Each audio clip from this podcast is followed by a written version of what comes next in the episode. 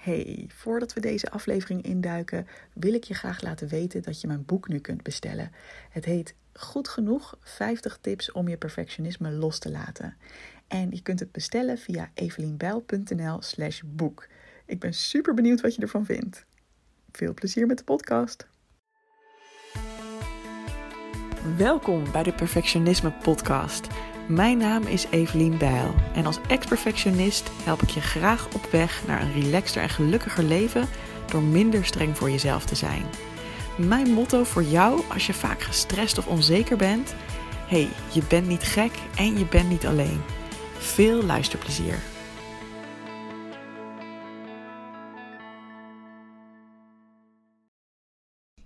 Hey, superleuk dat je luistert naar deze aflevering van de Perfectionisme Podcast. Binnenkort staat er een hele coole gratis masterclass. Ehm, ja, die staat te gebeuren. Ehm, hij heet Perfectionisme over je lichaam loslaten. En je kunt je gratis aanmelden via doelgerichtecoaching.nl/slash lichaam.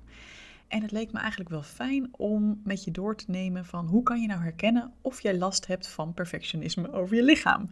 Dus ik heb een soort van zelftest gemaakt met zeven checkvragen. Uh, waarbij je dus kan kijken van nou waar score ik hoog op en waar score ik uh, laag op. Um, met natuurlijk het idee dat je dan in de gratis masterclass daar nog meer over uh, kunt leren. En het wordt een, lange, maar denk ik hele waardevolle podcast. Want ik wil ook mijn eigen verhaal delen, eigenlijk bij die zeven stellingen. Hoe ik er vroeger in stond en hoe ik daar nu in sta. Dus ik denk dat dat al, uh, al waardevol voor je wordt. Nou, wat ik heb gedaan, is dat ik ook even die zelftest als een soort van checklist voor je heb uitgewerkt. Dus die kun je gratis uh, aanvragen, die krijg je gratis wanneer je je aanmeldt voor de masterclass. Dus uh, stel dat je dit hoort, hè, nu is de masterclass gepland op 19 juni. Um, stel dat je dit later hoort, dan zorg ik dat je in ieder geval even die zelftest nog kan downloaden, ook via doelgerichtecoaching.nl/slash lichaam.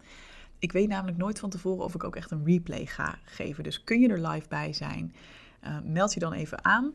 Weet je het nog niet zeker, meld je dan ook even aan. Mocht ik dan een replay geven, dan krijg je die automatisch uh, in je mailbox.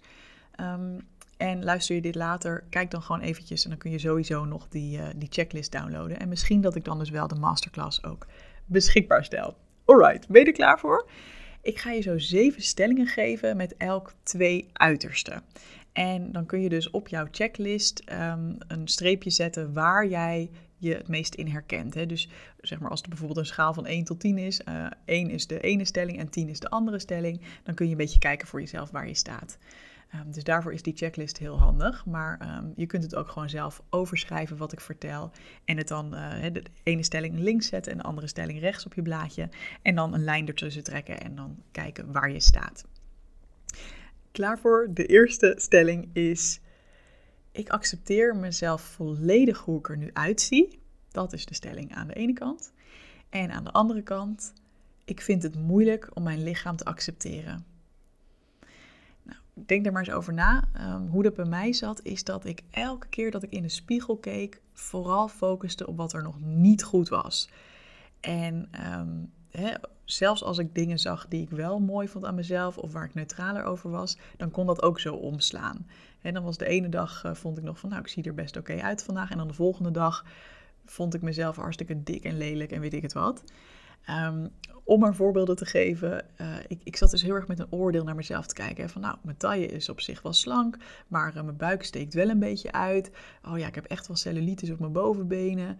Uh, mijn huid is veel te wit. God, waarom heb ik toch van die lelijke blauwe plekken? Ik mag wel wat dunner worden. Hè, mijn borsten zijn groot, dat vond ik dan meestal mooi. Maar ja, ik moest dan wel weer uitkijken van mezelf dat ik niet een te laag truitje aantrok, want dat zou dan weer sletterig zijn. Ik heb een grote neus. Nou, Kortom, om alles kon ik, uh, ja, alles zat ik zo helemaal af te gaan van hoe het eruit zag en wat er goed was en wat er niet goed was. Misschien ken je dat wel. En ik had ook, uh, als ik een foto van mezelf zag, ging ik hetzelfde doen. En misschien herken je dat ook wel. Ik ben benieuwd wie dat nog meer doet. Dat zelfs als er een foto is gemaakt met een hele groep erop, dat je altijd meteen naar jezelf kijkt van hoe sta ik op de foto? Zie ik er niet net heel debiel uit? Uh, zie je mijn buikje zitten? Uh, heb ik een onderkin? Nou, noem het allemaal maar op. Um, kortom, ik was dus heel erg bezig met alles bekritiseren. Ehm, en zelfs de dingen, hè, want zelfs een oordeel hebben over van, nou, en dit vind ik, dit is wel goed aan mij. Ook dat heeft nog heel erg een oordeel eigenlijk. Ehm, en ik, ik was daar dus heel erg mee bezig. En wat ik merk nu, is dat de focus er wat minder op ligt. Kijk, natuurlijk, ik heb nog steeds ogen, dus ik kan nog steeds in de spiegel of op foto's dingen zien ja, waar ik blijer mee ben of minder blij mee ben. Maar ik merk dat ik nu veel milder naar mezelf kijk. En dat ik niet meer zo dat oordeel daarop heb. Dat ik niet meer zo alles helemaal, ja, echt heel erg uitvergroot. Ook van, oh, wat is dit lelijk of slecht. Of, weet je, ik haal mijn waarde heel erg uit andere dingen nu. Daar komen we zo bij punt 2 ook uh, op terug, de tweede stelling. Ik ben dus wel benieuwd waar jij staat op deze schaal. Um, wat mij hier onder andere heel erg bij heeft geholpen, is ook om gewoon veel meer mensen te gaan volgen online die niet het perfecte plaatje zijn. dus die bijvoorbeeld gewoon dik zijn of uh, ja, een slechtere huid hebben. Of, nou, slecht is alweer een oordeel, hè, maar nou, niet het standaardplaatje van een perfecte huid hebben. Um, ja, gewoon mensen in allerlei kleuren, maten, vormen, noem het maar op. Dat helpt mij, heeft mij heel erg geholpen om te normaliseren van ja, iedereen heeft dingen. Um, ja, die er op een bepaalde manier uit zijn, eh, uitzien. Terwijl als je altijd alleen maar het perfecte plaatje ziet, dan is het heel logisch dat jij dus ook naar jezelf kijkt met heel veel oordeel. Nou, je merkt het al, ik begin meteen in de tips te raken, terwijl we eigenlijk lekker een zelftest aan het doen zijn. Maar hey, hopelijk heb je daar wat aan. Dan gaan we nu naar de tweede stelling. Dus de eerste stelling is van, hey, ik vind het moeilijk om mezelf, of ik accepteer mezelf volledig hoe ik er nu uitzie. Of ik vind het moeilijk om mijn lichaam te accepteren. Waar sta je op die schaal? En de reden ook dat ik je adviseer om het echt even op te schrijven, is sowieso, het zijn zeven stellingen, dus het is best lastig te onthouden uh, hoe je over alles voelt. En hoe leuk als jij over een paar maanden opnieuw deze test doet en dan kijkt van, hé, hey, is er al wat veranderd? Uh, voel ik me al anders over dit onderwerp? Um, want ik weet dat het voor mij gold dat ik dacht van, nou, ik weet niet of dit ooit echt anders kan worden, maar dat ik uh, op een gegeven moment hier coaching op heb gehad. En dat ik echt na een paar maanden in dat traject dacht: wow, holy shit. Ik voel me echt veel relaxter over mezelf en ik accepteer mezelf veel, veel meer. Dus daarom adviseer ik jou om het ook lekker op te schrijven. Alright, de tweede stelling is: hoe ik eruit zie is niet het allerbelangrijkste voor me. En aan de andere kant, hoe ik eruit zie bepaalt voor een groot deel mijn eigen waarde. Ik ben heel benieuwd hoe je daarnaar uh, kijkt en waar je op, daar, op die schaal ook staat.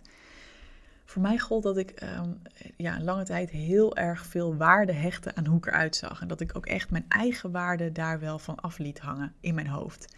Dus ik was bijvoorbeeld heel erg bang om aan te komen, want dan zou ik niet meer aantrekkelijk zijn en dan zou ik niet meer geliefd worden, weet je. Als je door ook vraagt van waarom is dat dan erg? Stel dat je dik wordt, stel dat je uh, je huid niet mooi vindt, stel dat je niet tevreden bent met je neus. Waarom is dat zo erg? Wat zit daaronder?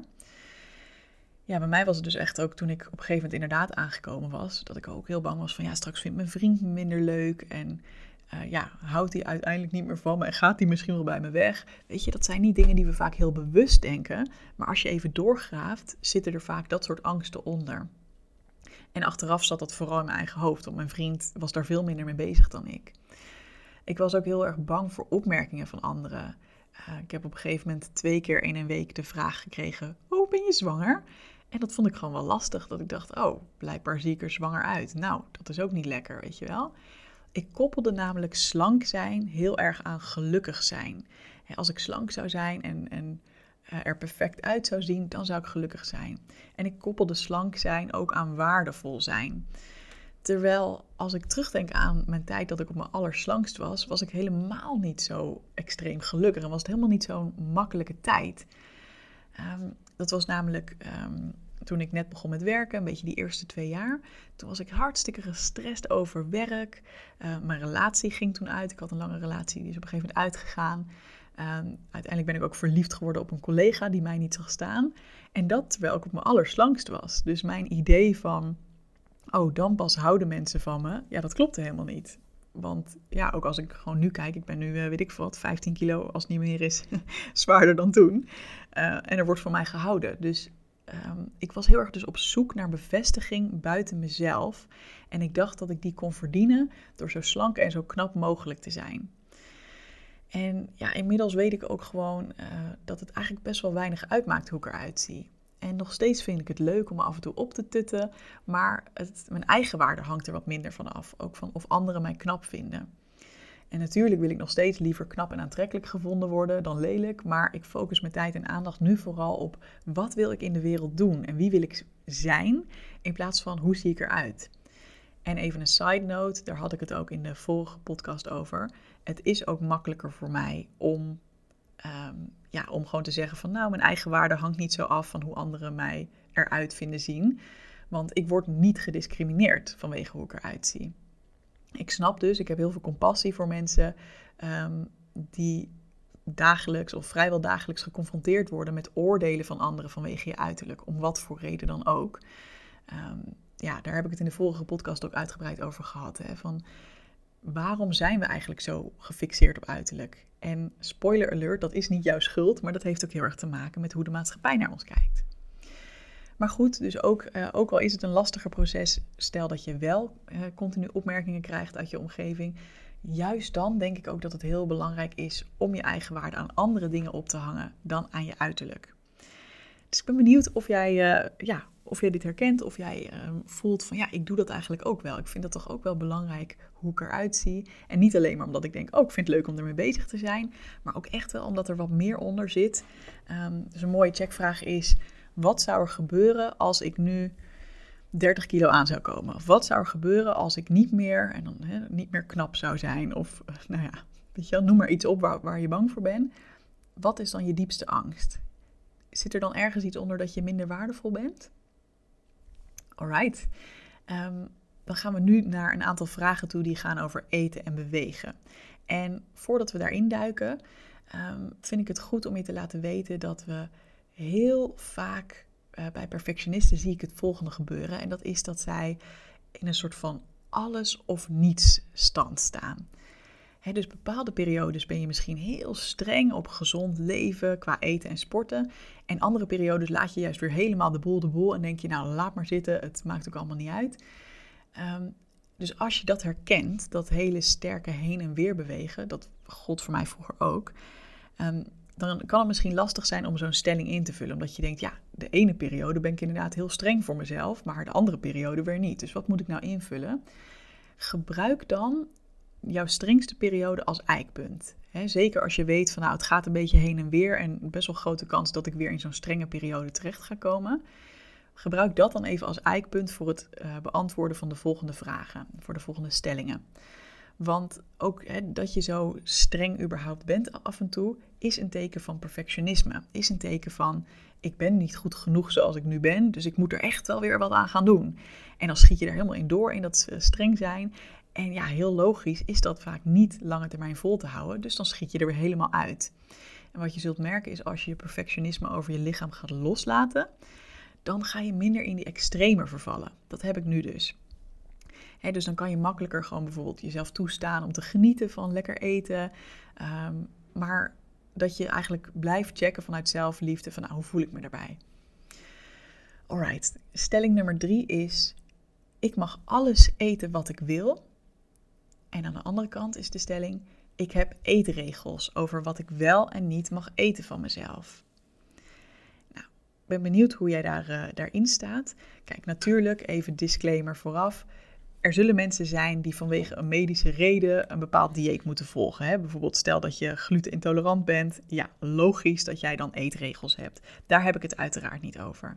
Ik heb het erover dat jij jezelf dingen oplegt en ja, dat, dat je daar misschien wel een beetje strenger in bent en een beetje in doorschiet. Nou, om je een beetje achtergrond te geven van hoe dat bij mij uh, gegaan is. Um, ik heb altijd gedacht van, nou, ik vind diëten maar onzin. Maar in mijn studententijd was ik al wel een beetje bezig met van, nou, niet te veel zoetigheid eten en niet te veel biertjes drinken af en toe. Want dan behaalde ik wel van de extra kilo's die ik aan was gekomen. Maar pas daarna, toen ik ging werken, uh, ben ik hier echt heel streng in geworden. Ik weet nog dat ik net aan het werk was en dat zal in 2011 geweest zijn. Um, en toen had ik een yoghurtje en toen kwam er een collega naar me toe en die zei: Ja, dat is dus echt heel slecht, hè? En ze bedoelde dat niet heel serieus, maar ze vertelde toch over een boek De Voedselzandloper. Let me know als je daar ook ooit van gehoord hebt. En eh, ik dacht in eerste instantie, nou ja, whatever, wat een onzin. Ik kan prima een yoghurtje eten, waar hebben we het over? Maar hè, ik hoorde er vaker over en ik was er toch wel een beetje gevoelig voor. Dus uiteindelijk raakte ik geïnteresseerd en kocht ik dat boek. Nou, voor iedereen die het niet kent, het is echt wat mij betreft een onmogelijk dieet. Waarin je zo ongeveer alleen maar groente, fruit, zaden, noten, soja en eieren mag eten. En vooral geen bewerkt voedsel. Uh, alleen maar natuurlijke dingen. Weet je, echt zo'n, zo'n, ja, het is gewoon een dieet. Ze noemen het geen dieet, maar het is gewoon een dieet. Want als er regels zijn wat je wel en niet mag eten, is dat gewoon een dieet. Um, suiker en snelle koolhydraten zijn de duivel. Geen brood. Nou, best wel, uh, best wel pittig. Maar ik, uh, ik vond het wel, uh, ja, toch wel aantrekkelijk. Want er werden allemaal onderzoeken aangehaald. Die zouden bewijzen dat je gezonder en langer zou leven als je bepaalde dingen hiervan deed. En dat je dan meer energie zou krijgen. Ik dacht, nou, dat wil ik wel. En uh, ik, ik ging ervoor. En ik sloeg er ook lekker in door. Um, want ik was ook daar heel zwart-wit in. Het was dan niet van, oh wat fijn, ik zie nu dat walnoten goed voor me zijn. Ik ga af en toe wat meer walnoten eten. Nee, huppatee, het moest ook meteen helemaal perfect. En ik mocht ook geen brood meer eten. En voor ik het wist stond ik elke dag urenlang wortels te raspen en salades voor de lunch te maken. En achteraf denk ik, oh Eve, ik hou niet eens zo van salade. En ik vind koken ook helemaal niet leuk. Maar wat een werk ik daar niet in heb gestoken om alles vers te bereiden. En het begon dus heel erg onder het mom van, ja, dat is gezond. Maar stiekem vond ik het natuurlijk ook wel heel erg fijn dat er dan een paar kilo's vanaf gingen. En ik had ook echt zo'n gevoel van binnen van, ja, dit is hoe, ik, hoe mijn lijf eigenlijk zou moeten zijn. die kilo's die er eerst bovenop zaten, dat was te veel. Dat hoort niet bij mij. Dit is goed. Nou, lang verhaal kort, uiteindelijk had ik dus hartstikke veel regels over wat ik wel en niet mocht eten. En ik vond het eigenlijk ook best wel lekker duidelijk. Het gaf me een gevoel van controle. En nu ik daarop terugkijk, het was een heel stressvolle periode voor mij. Um, en ik denk dat omdat ik weinig controle voelde in mijn werk um, en op andere gebieden in mijn leven, dat ik dit heel fijn vond. Van oké, dit is heel duidelijk, dit mag wel, dit mag niet. Um, ik vond trouwens helemaal niet dat ik daar streng in was, want uh, ja, ik mocht heus ook nog wel eens chocola eten. Maar eigenlijk was het ook wel heel duidelijk dat dat toch wel een bijzonder iets voor me was. Want als ik ergens was waar bijvoorbeeld brownies waren of iets anders met suiker gemaakt, dan vond ik het heel moeilijk om me in te houden na één stukje. En dacht ik, oh, hè, mijn lijf voelde waarschijnlijk ook, ja, eindelijk gewoon koolhydraten, hoppatee. En dat, zo werkt het ook echt met mentale restrictie. Als je bepaalde dingen niet van jezelf mag eten, terwijl je ze eigenlijk heel lekker vindt, dan wordt het zo'n verboden vrucht die alleen maar ja, meer en meer verleidelijk wordt die, die eeuwige restrictie van je mag niet, je mag niet, je mag niet, dat hou je niet vol. Nou, uiteindelijk merkte ik dat ik er eigenlijk helemaal niet zo gelukkig van werd en het was echt een stramien. En ook als ik heel eerlijk was, ging het me ook niet alleen om mijn gezondheid. Hè. Dat is wel wat ik tegen iedereen zei. Maar een mooie checkvraag ook bij jezelf is: hè. stel jij bent iemand die best wel bezig is met gezond eten. Stel je zou alles kunnen eten wat je zou willen en je zou er niet van aankomen zou je dan nog steeds precies zo eten als nu? En ja, bij mij, ik had daar in die tijd meteen voor getekend. Misschien in het begin niet, maar uiteindelijk toen ik voelde van ja, het wordt toch wel, ja, ik voel me er toch wel een beetje, ik ga er een beetje onder gebukt, zeg maar. Onder zoveel ermee bezig zijn. Het nam ook mijn hele hoofd over.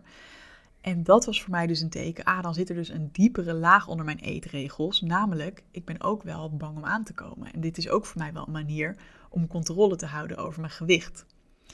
Nou, fast forward. Inmiddels heb ik geen enkele beperking meer. Ik mag alles eten waar ik zin in heb. En ik moet er wel eerlijk bij zijn, dat is echt een reis geweest om mezelf dat toe te leren staan. Ik heb mezelf er ook echt bij moeten uh, helpen. En in het begin had ik ook echt wel last van schuldgevoel als ik dan weer heel veel zat, uh, chocola zat te eten. Uh, bij checkvraag 5 komen we zo meteen ook terug op dat schuldgevoel. Ja, in het begin ging ik dus helemaal los en had ik echt hele repen en repen chocola. Um, en ik dacht ook echt, oh, dit kan toch niet goed zijn. En, maar ik, ja, ik heb het mezelf gewoon toegestaan. En inmiddels, na een jaar of zo, uh, raakte dat wat meer gebalanceerd. En hoe het nu voor mij is, is dat ik kan checken van... hey, hoe voel ik me als ik dit gegeten heb? En heb ik zin in dat gevoel? Nou, heel vaak is het antwoord ja, lekker, doe maar. Um, maar ik heb nu een wat natuurlijker stopmoment in plaats. Stopmoment. In plaats van dat ik stop omdat het moet, of omdat ik vind dat ik niet dit mag eten, uh, of dat ik juist keihard doorga totdat ik misselijk ben, omdat ik het idee heb van nou, nu ben ik toch al begonnen, huppatee. eh, is het nu veel meer dat ik gewoon voel vanuit mijn lijf van nou, ja, ik heb hier zin in, lekker en nu is het ook wel weer genoeg, zeg maar. Dus dat heb ik echt weer opnieuw moeten leren vinden ook. En nu eet ik dus ook nooit meer tot ik misselijk ben. En ook eh, voor mij heel bijzonder vanuit, als ik terugdenk aan toen. Ik heb nu gewoon een reep chocola in mijn kast liggen. Ehm, en die had ik gisteren al. En ik ben er nog niet aan begonnen. En dat is niet een doel. En het is niet zo van, ja, dat is goed, want dan heb je wilskracht. Maar het is voor mij veel meer een signaal. Als ik er echt zin in heb, dan mag ik het.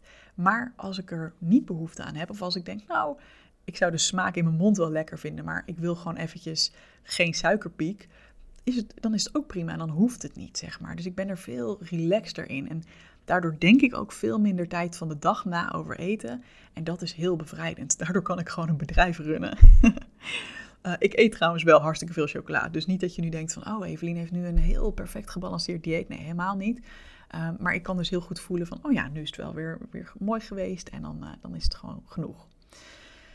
Nou, hoe jij bij jezelf kan checken van hè, aan welke kant zit ik, is ook plak jij labels op bepaalde etenswaren. Hè, dus noem jij bepaald eten goed eten en bepaald eten slecht eten. Hè, is het heel erg zwart-wit voor jou? Bestempel je bepaalde dingen als gezond en bepaalde dingen als ongezond. En dan niet alleen van, oh ja, gewoon neutraal van, nou dit vind ik gezond, dit vind ik ongezond, maar gewoon zit er ook een beetje een waardeoordeel onder. En een, een gevoel van het een is beter dan het ander. En nog een tandje verder leg je ook een waardeoordeel op jezelf. Dus vind je jezelf goed of slecht als je bepaalde dingen eet. He, bijvoorbeeld, ik vind dat heel irritant, als, men, als je salade eet, dat mensen zeggen, zo, jij bent goed bezig. Is dat ook hoe je naar jezelf kijkt? En dat als je dan een hele reep chocola of meer, meerdere repen chocola uh, eet, of uh, zakken chips leeg eet, of frituur, of wat het ook maar is voor jou, dat je dan het idee hebt van, oh, ik ben echt zondig, ik ben slecht bezig dan weet je dus dat jij inderdaad bepaalde regels hebt over eten. En dat je daar niet helemaal vrij in bent. En dat daar dus perfectionisme onder zit. Alright, heel verhaal. Uh, de volgende worden iets korter hoor. Maar dit was even mijn introductie ook van mijn reis met eten. Um, de vierde stelling is: ik mag zoveel en zo vaak eten als ik wil. En aan de andere kant, ik beperk mezelf in hoeveel en hoe vaak ik mag eten, omdat ik bang ben om aan te komen. Nou, dit lijkt natuurlijk een beetje op stelling 3. Die ging over wat uh, mag ik eten? Mag ik alles eten wat ik wil? Of zijn er bepaalde dingen die ik goed of slecht vind en minder vaak van mezelf mag of niet mag van mezelf? En dit gaat dan heel erg over de restrictie in hoeveel en hoe vaak je mag eten. Um, en dus ook met een extra randje van hè, dat, je, dat je bang bent om aan te komen als je te veel of te vaak eet. Nou, ik, heb hier zelf, ik had hier zelf altijd ietsjes minder last van, want ik ben gewoon een hongerige babe. Ik eet gewoon veel en weet je, ik ben ook fucking cranky als ik honger heb. Dus het is gewoon gevaarlijk voor mijn omgeving als ik niet genoeg en niet op tijd eet.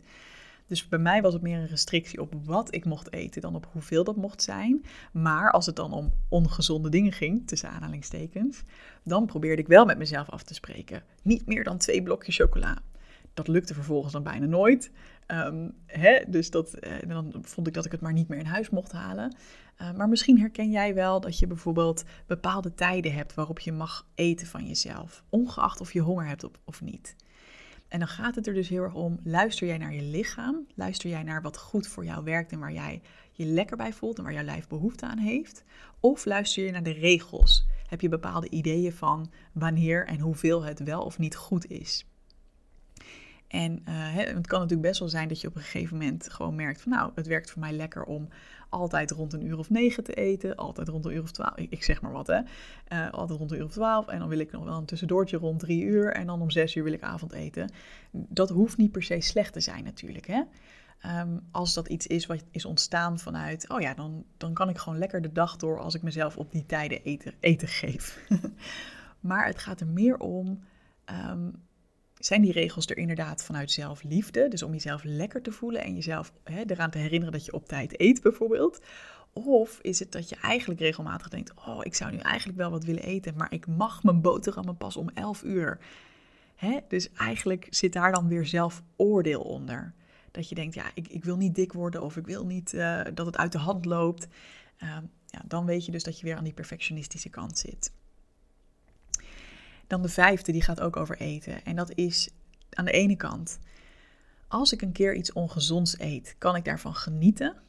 En aan de andere kant, als ik een keer iets ongezonds eet, wat trouwens tussen aanhalingstekens ongezond is, dan heb ik last van een schuldgevoel of een oordeel over mezelf.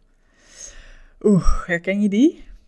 Deze had ik zelf echt heel sterk. Ik merkte ook dat ik bijvoorbeeld, uh, ja, voor mij is dus vooral zoetigheid. Uh, ja, is hetgene wat ik het lekkerst vind en ook waar ik me het schuldigst over voelde. En ik merkte op een gegeven moment ook dat ik dat het liefst in mijn eentje at.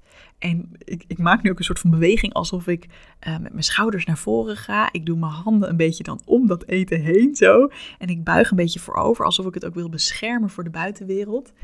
Um, ik herinner me nog een keer op vakantie dat, ik een, uh, dat we ijs hadden. Nou, dat was in die tijd dat ik niet zoveel zoetigheid van mezelf mocht eten. Dus mijn smaakpapillen gingen helemaal los. En ik wilde nog een tweede bakje ijs halen. En toen ging ik ook bewust even ergens anders zitten. En ik voelde ook, toen er iemand langs kwam lopen, voelde ik me heel schuldig en betrapt van, oh ja, zit ik hier die tweede bak ijs te eten? Um, weet je, dat geeft wel aan hoe ik keek naar dit lekkere eten. Um, en weet je, ik vind het heel belangrijk, ik, ik heb het al gezegd, hè, als ik een keer iets ongezonds eet, tussen aanhalingstekens ongezond. Weet je, het is uiteindelijk maar een label dat wij erop plakken. Ehm, want je kunt allemaal zogenaamd gezonde dingen eten, maar toch een ongezonde relatie met eten hebben. Dus dat even als side note. als jij echt geniet van een, een brownie bijvoorbeeld, zonder schuldgevoel, dan kan dat op dat moment gezonder voor jou zijn dan een stuk bleekselderij. Want er is namelijk meer dan alleen de calorische waarde van voedsel en de scheikundige eigenschappen. Er is ook meer dan je fysieke gezondheid. Er is ook nog je mentale gezondheid hoe streng ik met eten bezig was, dat was eigenlijk niet gezond voor mij. En dan niet fysiek. Ik heb mezelf nooit fysiek in gevaar gebracht. Maar mentaal was het niet fijn en niet goed voor mij dat ik zo streng daarop was. Nou goed, even terug naar het onderwerp. Dit is iets wat ik van veel mensen ook op Instagram terugkreeg. Dat ze zeiden van ja, als ik dan een keer iets ongezonds eet, hè, iets lekkers eet, dan voel ik me schuldig en dan ga ik ook meteen me slecht voelen over mijn lichaam. Herken je dat? Of kan jij gewoon lekker zorgeloos genieten? En moet je eens voorstellen dat dat je dus wel lukt. Moet je eens voorstellen wat een vrijheid het zou geven als jij gewoon daadwerkelijk iets lekkers kon eten en echt gewoon helemaal kon voelen, oh ja, daar had ik echt zin in, top. En dat je er vervolgens dan niet over na gaat denken van, oh wat doet dat met me en uh, komt het wel goed en dit is eigenlijk niet goed voor me en het loopt uit de hand. Nee, wat als je dat gewoon heel chill zou kunnen eten en weer verder zou kunnen gaan met je leven? En weer verder zou kunnen gaan met belangrijkere dingen. Lekker toch? Ik kan je vertellen, dat is echt een hele opluchting. ik geniet er zelf enorm van. Het maakt het ook veel fijner, weet je. Gewoon voor mij is eten wel ja, ook iets, uh, een manier om het leven te vieren. Dus ja, hoe zonde als je jezelf altijd beperkt en altijd schuldig voelt. Gewoon omdat je aan het genieten bent. Oké, de zesde stelling die gaat over bewegen. Dus aan de ene kant hebben we daar de stelling: bewegen zie ik, iets, uh, zie ik als iets wat je puur doet om lekker in je vel te zitten. Versus bewegen zie ik als iets wat je vooral doet om er beter uit te zien. Ben benieuwd hoe je dat, uh, hoe dat ziet. Kijk, ik ben zelf nooit heel erg sportief geweest. En als je me twee jaar geleden had verteld dat ik nu met een personal trainer zou trainen twee keer in de week, dan had ik je niet geloofd. Want voor mij was sporten en bewegen in mijn hoofd altijd heel vervelend zoiets van, ja, het is iets wat ik eigenlijk wel zou moeten doen. Ik zou meer moeten bewegen, want dat is goed voor je. En uh, ja, uiteindelijk, hey, je wordt er ook slanker en strakker van. Maar ik vond het niet leuk om te doen. Ik genoot er ook nooit van. Ook omdat er een beetje zo'n druk op lag van waarom je het zou moeten doen. Ik vond yoga op een gegeven moment dan wel fijn, dat had ik dan ontdekt. Dus schoot ik daar ook meteen in door. Ging ik dat meteen 365 dagen proberen te doen. Nou, eigenlijk al binnen een paar weken had ik hartstikke last van mijn knie en na 100 dagen ben ik uiteindelijk maar gestopt. Um, maar ook dat werd dus weer een prestige dingetje. Dus ik deed het niet gewoon van, oh lekker, yoga, dan voel ik me lekker in mijn lijf. Nee, dan moest er meteen weer een soort van resultaat aangekoppeld worden. En uh, ja, ook hè, als ik eh, een keer ging hardlopen, dat doe ik inmiddels trouwens helemaal niet meer, maar dan was het, hè, dat deed ik dan helemaal nooit. Maar als ik dat dan ging, dan ging doen, ging ik meteen mijn grenzen over. En dan moest ik wel meteen een beetje tempo maken. Want ik had allemaal oordelen in mijn hoofd van, ja, wat een trage slak ben jij. Je conditie slaat nergens op. Luie, lui, lui, lui varken, zeg maar. Um, hoe zit het bij jou? Weet je, het gaat er niet eens om van beweeg jij heel veel of niet. Hè? Als jij zelf voelt van nou, ik, ik sport heel veel en dat doe ik omdat ik er op een bepaalde manier uit wil zien, dan is het sowieso al heel duidelijk. Maar ook zelfs als je niet heel veel beweegt, hoe denk jij erover? Wat is jouw relatie met bewegen? Nou, inmiddels ben ik dus, hè, zoals ik net al zei, al een kleine twee jaar aan het sporten met een personal trainer. En dat heb ik echt 100% gedaan omdat ik voelde van ja, ik zit de hele dag achter mijn laptop. En ja, ik, kan, ik wil best een beetje meer energie hebben. En ik wil goed voor mezelf zorgen. Want dan hou ik gewoon mijn werk ook beter vol. Dan voel ik me lekkerder. Ik gunde het mijn lijf om meer te gaan bewegen.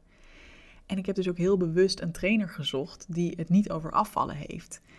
Want ik heb wel eens, ik heb eerst een soort van proeflessen gedaan bij uh, uh, verschillende mensen.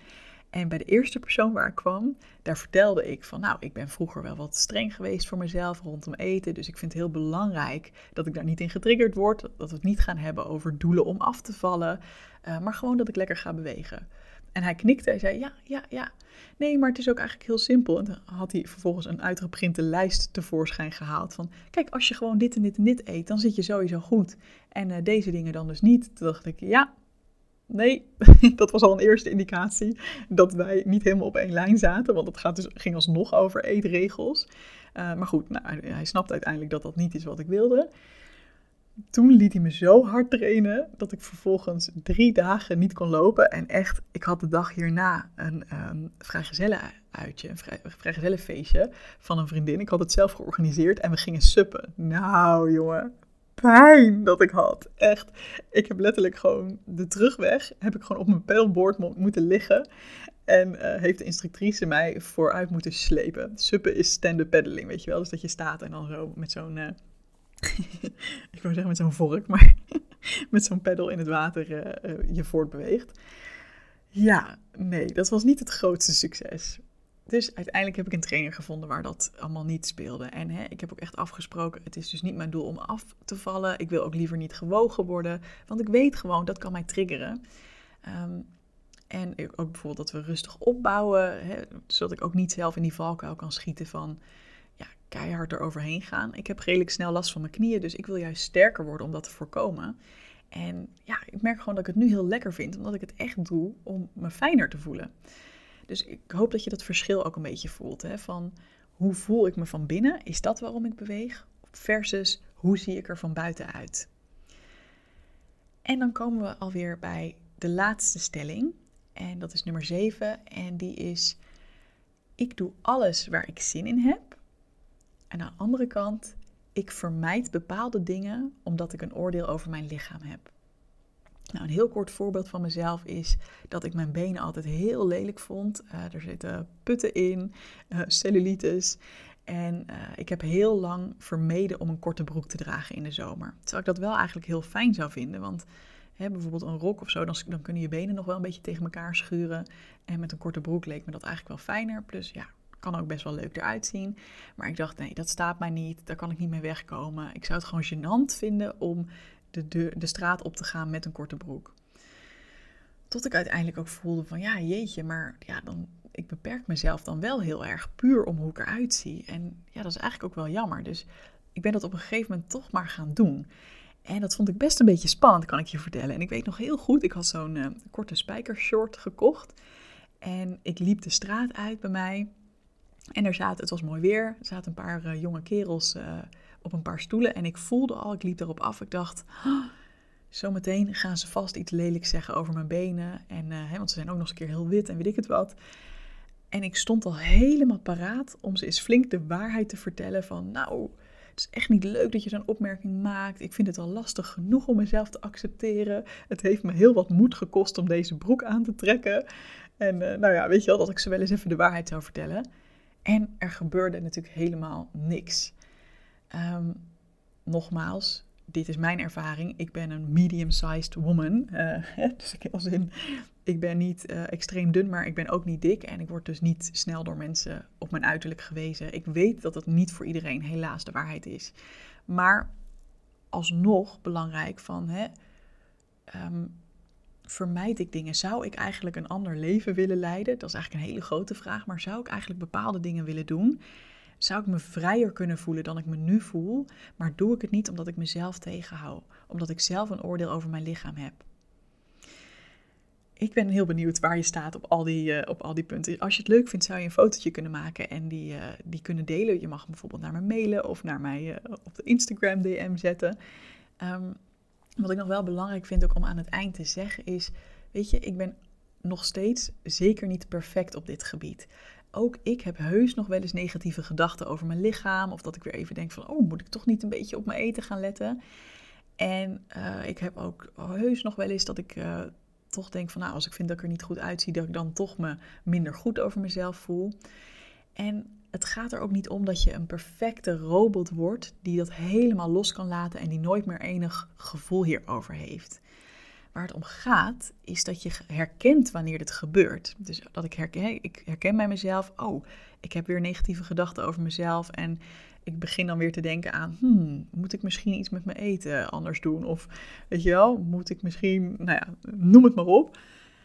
Als je het herkent, dan kun je ook jezelf steunen en jezelf helpen om hier op een fijnere manier mee om te gaan.